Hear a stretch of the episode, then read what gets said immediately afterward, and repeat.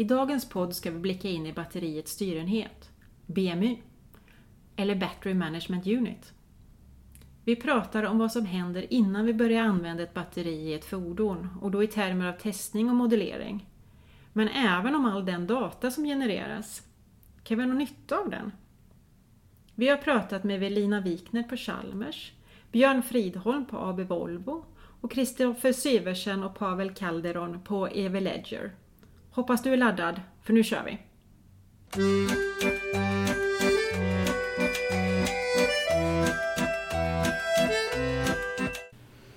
Eh, det som är bra med testning, det är ju att man ser exakt hur batteriet uppför sig vid den här lastcykeln eller den här typen av användande.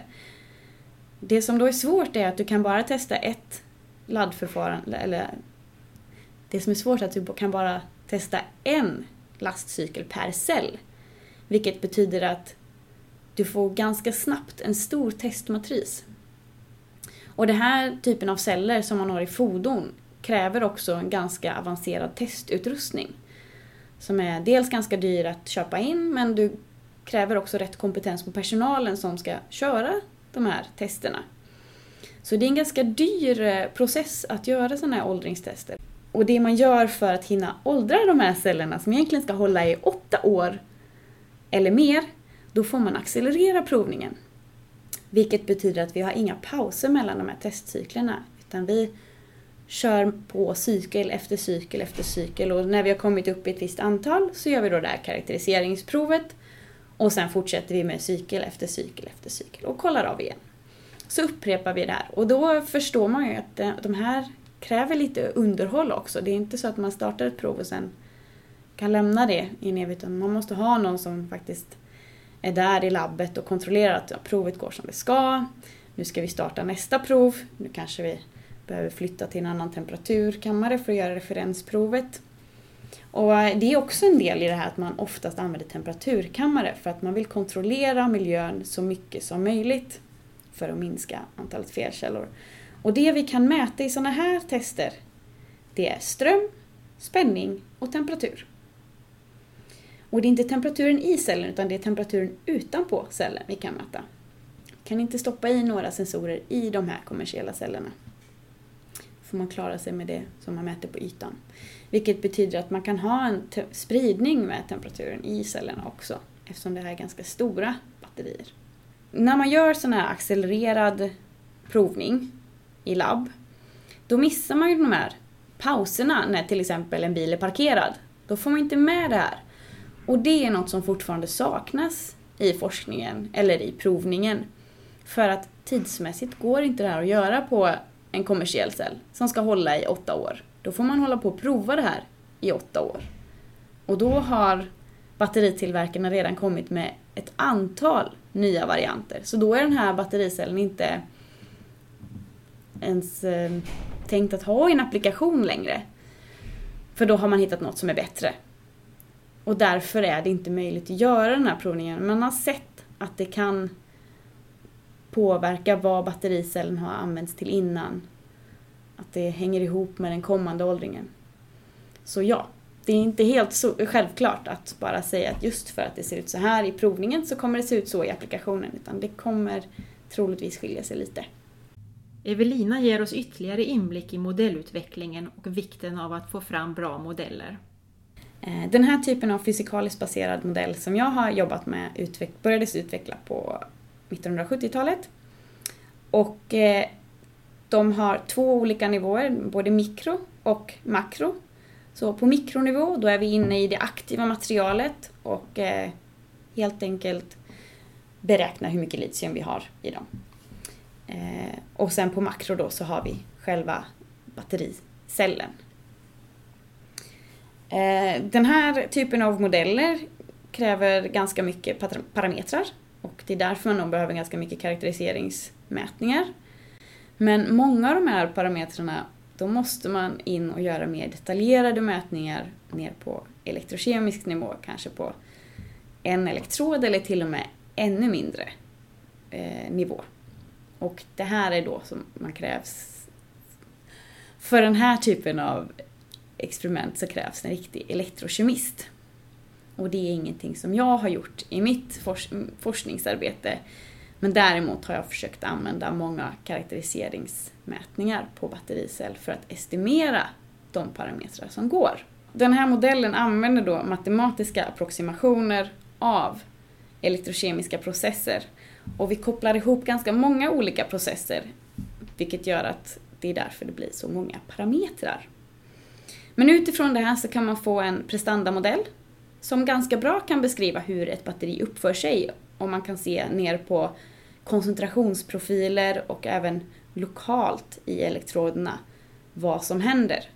Och det här ger oss väldigt starka verktyg till att kolla på när börjar vi få vissa åldringsfenomen? Jag kan beskriva en process som jag tror är möjlig i min modell. Och sen utifrån det kan jag säga att ja, den kanske inte var exakt så här den skulle beskrivas. Eller att den här kanske måste delas upp i två olika åldringsmekanismer. Eh, men att vi kan se det här ger ju också oss mer information att vi måste forska mer på just de här eh, sakerna som händer i cellen. Vad är det som faktiskt sker? Vilka processer är det som sker? Och sen kan vi då förhoppningsvis koppla ihop det här med testning och modellering ännu mer så att man kanske inte behöver göra de här extremt stora testmatriserna utan man kanske kan hitta de här testerna som verkligen kommer ge oss det vi, den informationen vi behöver för att kunna säga hur åldras den här cellen. Om man kan minska testmatrisen, då kan man spara väldigt mycket pengar, tid och resurser. Den stora styrkan med de här fysikaliskt baserade modellerna, det är ju att de beskriver en process. Så om du vill kolla på nästa batteri, som också är ett litiumjonbatteri men du har ändrat någonting, så länge du kan få fram de här materialparametrarna så kan du använda exakt samma modell. Men om du använder en empirisk modell så bygger den bara på testdata. Vilket gör att om du byter batteri så måste du göra om hela den här testmatrisen för att få fram den empiriska modellen.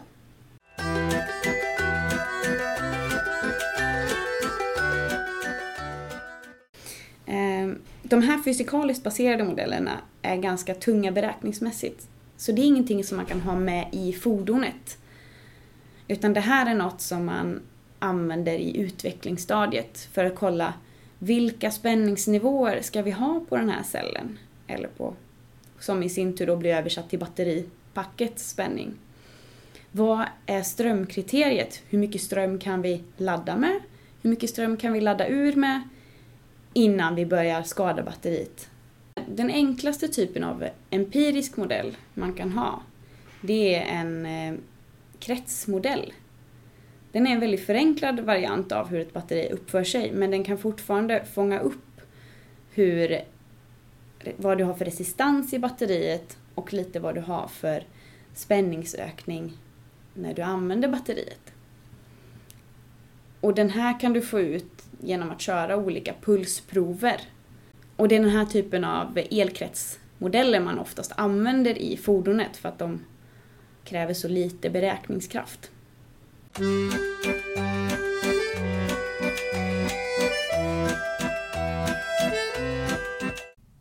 vi nu har bra modeller, vad utmärker då ett bra BMU?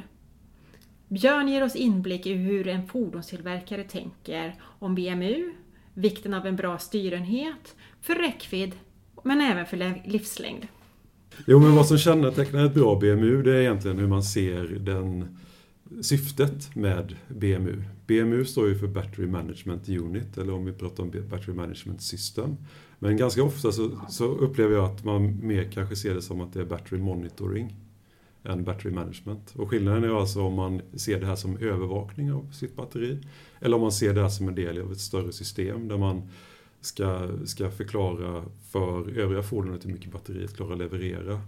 Eh, så det, det tror jag är en stor en, en, en skillnad i hur man eh, ser på, på syftet med systemet. Och då om man då tänker om, om man har med battery measurement, eller vad säger du? Monitoring. monitoring kallar Ja. du det, ja. Precis. Ja, Då, för det- då mäter man ju strömspänning och temperatur. Ja, och sen så börjar man då kanske skatta eh, laddningsgrad som vi inte kan mäta direkt och man börjar skatta batterihälsa och så vidare. Men man ser det fortfarande som ett övervakningssystem med syfte att skydda batteriet. Om man kör battery management ur, eh, så skulle jag vilja säga att då har man det som bivillkor att vi ska skydda batteriet och övervaka batteriet. Men det stora syftet är egentligen att berätta för övriga fordonet hur de kan använda batteriet på ett optimalt sätt. Och då, det är då man kommer in på mycket mer det här med att skatta energimängd, skatta effekt. Eh, även thermal management, för vi styr ju batteriets temperatur ofta och så. Och det tycker jag, det tycker jag på något sätt, det, det är där man kan börja med frågan vad, vad ett bra BMU är. Ehm. och sen, sen på frågan hur, hur man som kund märker eh, ett bra BMU så är väl tanken att man ska inte märka ett bra BMU. Det skulle jag säga är det riktiga svaret. Eh, om, om man märker av det har vi gjort det dåligt. Eh, för annars så måste man i princip köra två BMU parallellt och se vilken som kommer ge dig mest energi eller mest effekt eller vad nu som man är ute efter. Då.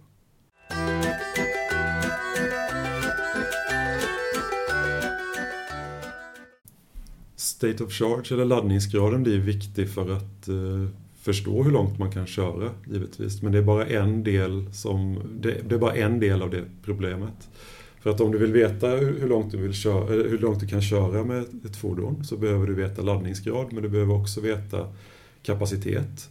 Då vet du hur mycket energi du har eh, lagrat i batteriet. Om du däremot vill veta hur, hur mycket energi du kan få ut så blir det beroende av vad som händer framåt. Både med eh, alltså förlusterna som kommer framåt och förlusterna är väldigt beroende på både vilken ström du plockar ur batteriet och på vilken temperatur batteriet har. Så att det blir ett mycket svårare Eh, problem än att eh, just eh, skatta laddningsgrad. Och jag brukar ofta jag får den här frågan ganska ofta och då brukar jag jämföra när jag hade min gamla Ericsson-telefon och jag laddade den en gång i veckan mot nu när jag har en iPhone med betydligt bättre batteri egentligen men jag måste ladda den varje natt. Så, så laddningsgraden i sig säger ju väldigt lite om hur länge jag kunde ha, ha min telefon men det var ju energin som jag behövde egentligen.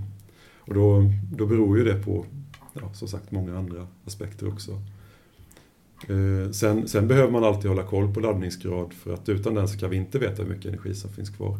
Det är också så att eh, de, hur vi får använda batteriet är ju, vi får inte ladda det för fullt och så vidare. Vi får inte ladda ur det för mycket. Och I den eh, är också state of charge en viktig faktor.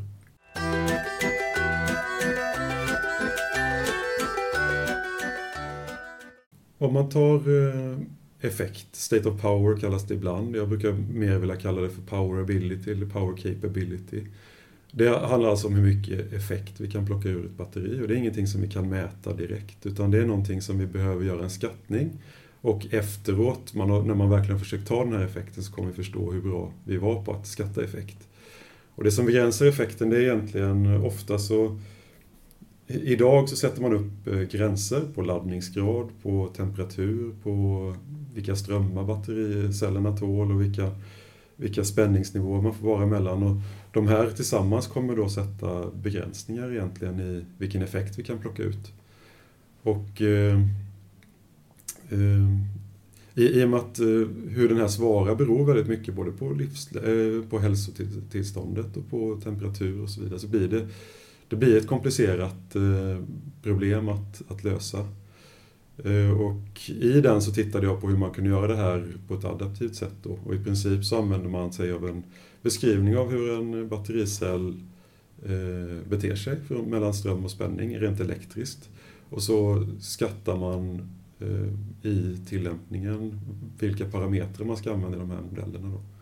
Eh, och jag tror att vi kommer ganska nära de här faktiska gränserna som man sätter upp på, på cellnivå när man, när man jobbar på det här sättet eller använder den här typen av algoritmer. Förutom i vissa fall som är väldigt svårt att modellera, eh, som inte har riktigt tillräckligt bra modeller. Och det till exempel när det är kallt, eh, när batteriet är väldigt kallt, då har vi fortfarande väldigt problem. Sen kan man ju tänka sig om man vill gå in på Eh, fortsatt forskningsbehov och så inom det här området så tycker jag ju själv att det är lite spännande att vi, för idag, i dagsläget så använder man sig av elektriska begränsningar som då korrelerar med det som man egentligen vill komma åt som ju kanske är mer att man sliter på batteriet onödigt mycket. Och det som egentligen borde begränsas då är elektrokemiska egenskaper i batteriet. Eh, I dagsläget kan vi inte jobba så riktigt för att när vi eh, vi har ju cellleverantörer som, som vi köper celler av och där kommer vi överens då om elektriska användningsområdet i princip. Men om man kunde komma över på det elektrokemiska så tror jag att man skulle kunna förbättra en hel del egenskaper. Det vill säga att man kan använda dem så mycket som det går innan man sliter för mycket. Det, det, finns väl, det finns lite forskning framförallt relaterat till laddning där man laddar optimalt för att ladda så fort som möjligt men slita så lite som möjligt. Och där tror jag det finns eh, ytterligare att göra. Eh, det kommer ju då kräva att man sätter upp andra typer av begränsningar än vad vi använder oss av idag. Så, i, som standard i branschen kan man säga.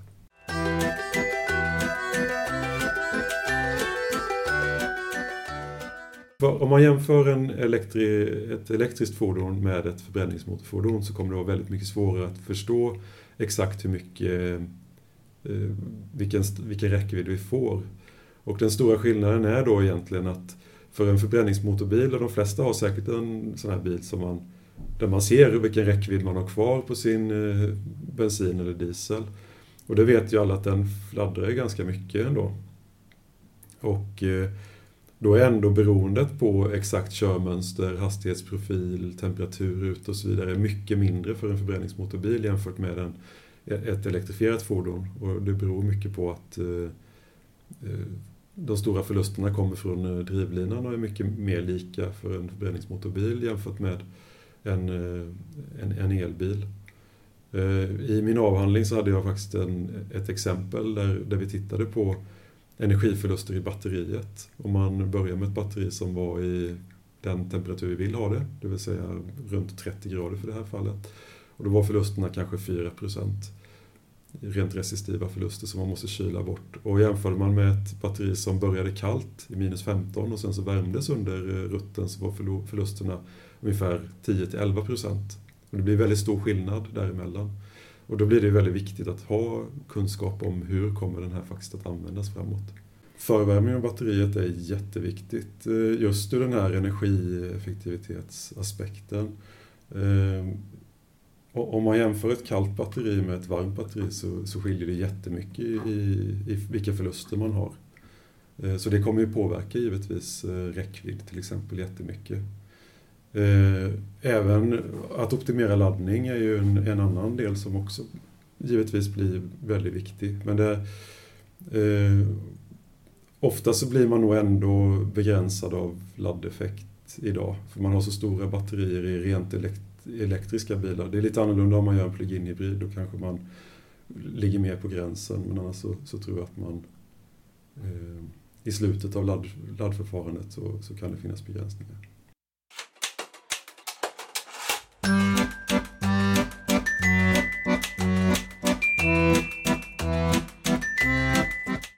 En, en del som verkligen skulle kunna ge nästa skjuts i den här eh, utvecklingen tror jag är att man har sensorer som mäter någonting annat än de här elektriska eh, egenskaperna som vi tittar på idag, alltså ström, spänning, temperatur.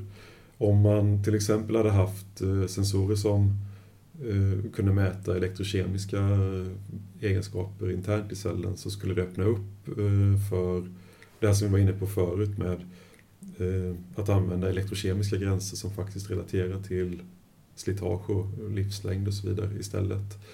Eh, ibland så, får man, eh, så uppfattar folk det som eh, att det kan bli ett svårare problem när man har mer mätdata men som reglertekniker vill man alltid ha mer mätdata. Så, så att mäta fler egenskaper kommer göra eh, uppgiften enklare. Hur mycket det kommer ge i slutändan i termer av energi eller effekt till kund är lite svårt att bedöma om man skulle försöka vikta nya cellkemier mot eh, hur mycket man faktiskt plockar ut och det man gör med styrsystemet så, så tycker jag att det blir två väldigt olika frågor. Eh, I dagsläget så är batteriet begränsande i termer av energi och effekt. Det kan vi inte göra någonting åt med hjälp av styrsystemet. Vi, vi har inte, de marginalerna har vi inte som gör att det här liksom kommer bli några signifikanta skillnader. Och speciellt inte signifikanta skillnader för en eh, individuell förare. Eh, där måste, man, där måste man ha nya cellkemier för att eh, komma dit. Det som jag däremot tror att vi kan göra med batteristyrsystemet och om vi gör det här på ett väldigt bra sätt, det är att för, ur ett företagsperspektiv, som jag sätter på mig hatten som Volvo, och då spelar det ingen roll om det är Volvo Cars eller Volvo Trucks eller om det är något annat eh, fordonsföretag, så, så kostar det här batteriet extremt mycket. Och det betyder att vi vill utnyttja det optimalt.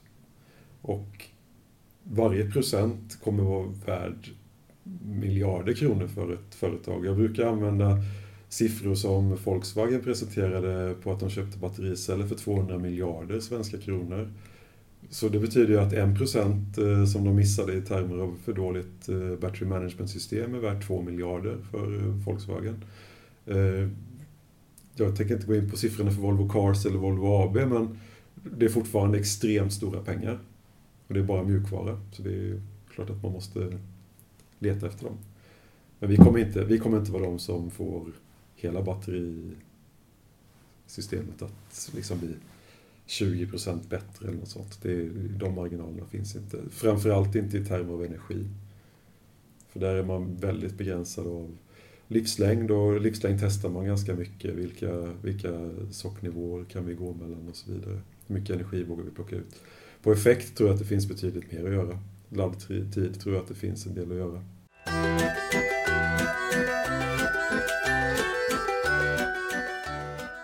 BMU-systemet kan eh, bli en del i Unique Selling Points eller eh, eh, att, att bidra till lägre totalkostnad för eh, eh, de som använder fordonen. Det är jag helt övertygad om. Eh, vi blir, vi blir en viktig del i att förklara vilket, vad, räckvidden blir. Ja, inte egentligen räckvidden utan hur mycket energi du kan ta ut. Det kommer vara väldigt viktigt laddstrategier, hur, hur länge ska du stanna på varje ställe, Eh, när ska du välja ladda och så vidare. Det kommer finnas många olika delar där och jag tror att det här är väl något som...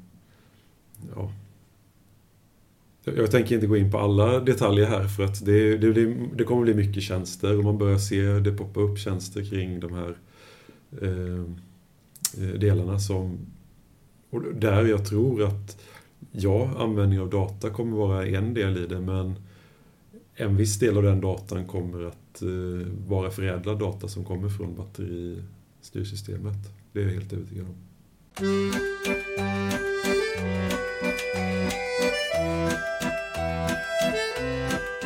All denna data som vi kan lagra, finns det något värde i av data i ett cirkulärt flöde av batterier? Kristoffer och Pavel delar med sig av sina tankar om vem som äger data och hur vi kan lita på den data som finns. Data har ju blivit eh, en ny, grunden för en ny ekonomi eh, i mångt och mycket. Många, många av de stora bolagen i världen idag de baserar sin verksamhet till fullo på data. Och värdet av data börjar ju fler och fler inse, men väldigt få fortfarande skulle jag säga vet exakt vilket värde det medför och innebär. Och mycket av det beror på att man inte vet vilken data man ska samla, hur man ska lagra det, hur man ska transportera det för att få ihop ekonomin kring datan. Men också hur man ska bearbeta det för att få ut värdet. Datan i sig är meningslös, det är vad man gör med den som genererar värde. I batteriindustrin, oftast när man snackar om batteriindustrin så är det fordonsindustri eller energilagring av olika slag som man pratar om. Mm, I många fall så är det en industri som tidigare inte har jobbat med data på det sättet, men som nu börjar få upp ögonen för det. På lång, I det långa loppet så behövs det en samlad ekonomi för de här batterierna. Det måste finnas ett cirkulärt flöde av batterier mellan industrier för att kunna motivera att vi gräver upp mineraler, att vi tillverkar batterier och att vi använder dem på det sättet vi gör idag. Det innebär att vi måste använda batteri inte bara i en tillämpning utan i fler när den inte längre lämpar sig i den första till exempel. Och för att kunna göra det här, då behöver vi information om batterierna. Och den här informationen är ju data som samlas av en bil eller av ett flygplan. Den här datan är ju sen, den ligger till grund för hur ett batteri handlas med. Datan utgör ju information om hur det mår eller vad den kan användas till. Och kvaliteten på den här datan och vilken typ av data man samlar kommer ju behöva vara samma för alla aktörer som ska samarbeta runt det här batteriet.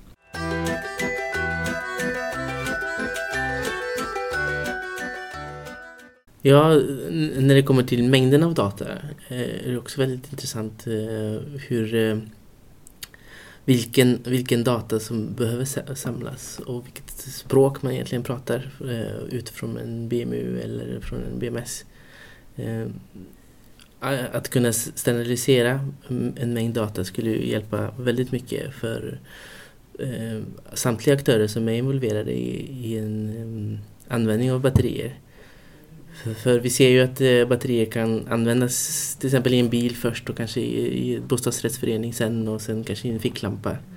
Och kunna använda samma standardmall eh, av information ut hade ju varit väldigt hjälpsamt.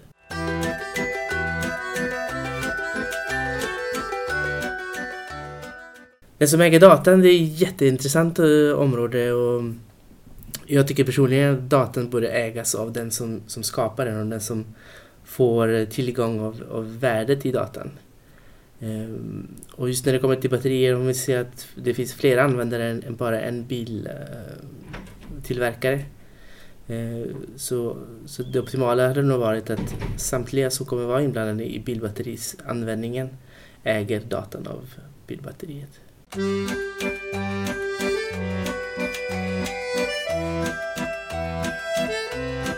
grunden. Det är att en celltillverkare har ett egenintresse i att en cell mår på ett visst sätt och presterar på ett visst sätt. En fordonstillverkare vill ju använda de här cellerna för att bygga en fordon som presterar på ett visst sätt gentemot en kund som använder den. Men i varje steg så, har, så finns det ett, både ett ekonomiskt men också ett miljömässigt och annat självintresse, egenintresse i att, att det man säger stämmer. Men det, det finns väldigt få incitament mer än ekonomiska som, som möjliggör för, för tillit mellan aktörer. Ehm, just nu så Just nu så blir det ju upp till var och en att bevisa för nästa person i ledet att det stämmer så som det funkar idag. Mm. Om man säljer en bil till, nästa, till, en, till, en, till en, nästa användare eller om man säljer ett batteri från en bil till nästa användare så måste ju var och en bevisa att det som jag säger om, är, om batteriet är korrekt stämmer. Alternativt så måste personen som köper batteriet eller bilen göra sitt eget test. Oftast så medför det en kostnad som gör, gör det köpet ovärt gentemot att köpa ett nytt batteri till exempel. Så det, det, ligger ju, det, finns ju, det finns ju ett behov av att hitta ett sätt att skapa ett, ett decentraliserat system för att, för, för att inviga den här tilliten i batterierna som inte, som inte finns idag.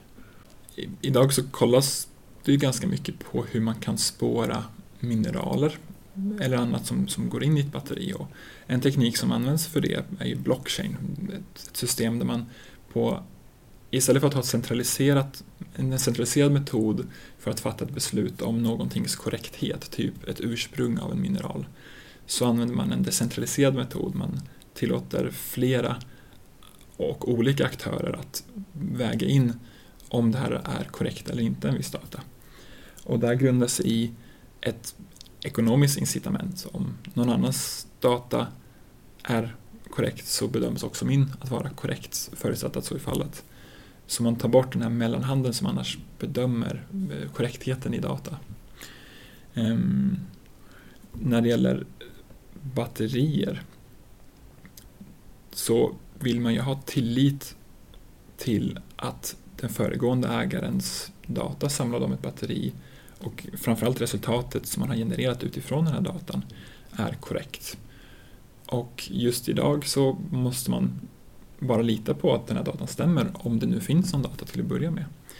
Men ett sätt att råda bot på det här är att för varje steg i processen i en livscykel hos ett batteri så samlar man på sig data om hur, hur eh, man genererar data om hur batteriet mår och vad det har varit med om och vad det bör användas till och vad det är värt. Och se till så att den här datan läggs in på en blockkedja och därmed verifieras i varje steg.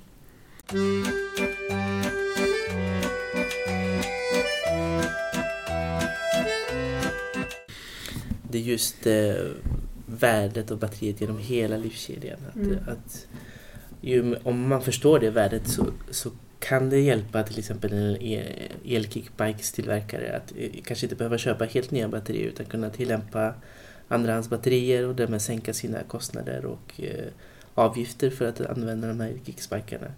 Och sen kunna sälja vidare de, även de här batterierna eh, till en tredjehandsapplikation och, och där även sänka sina avgifter ännu mer eh, mot sina användare.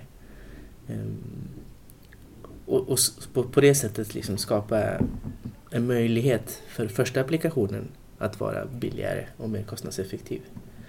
Ehm, så som det inte ser ut idag.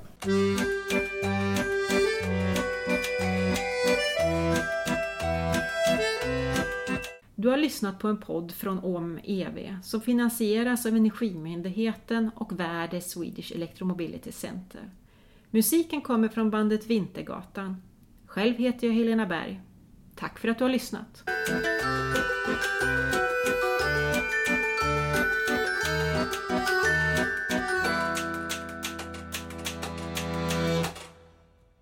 Alla modeller är fel, men vissa är användbara.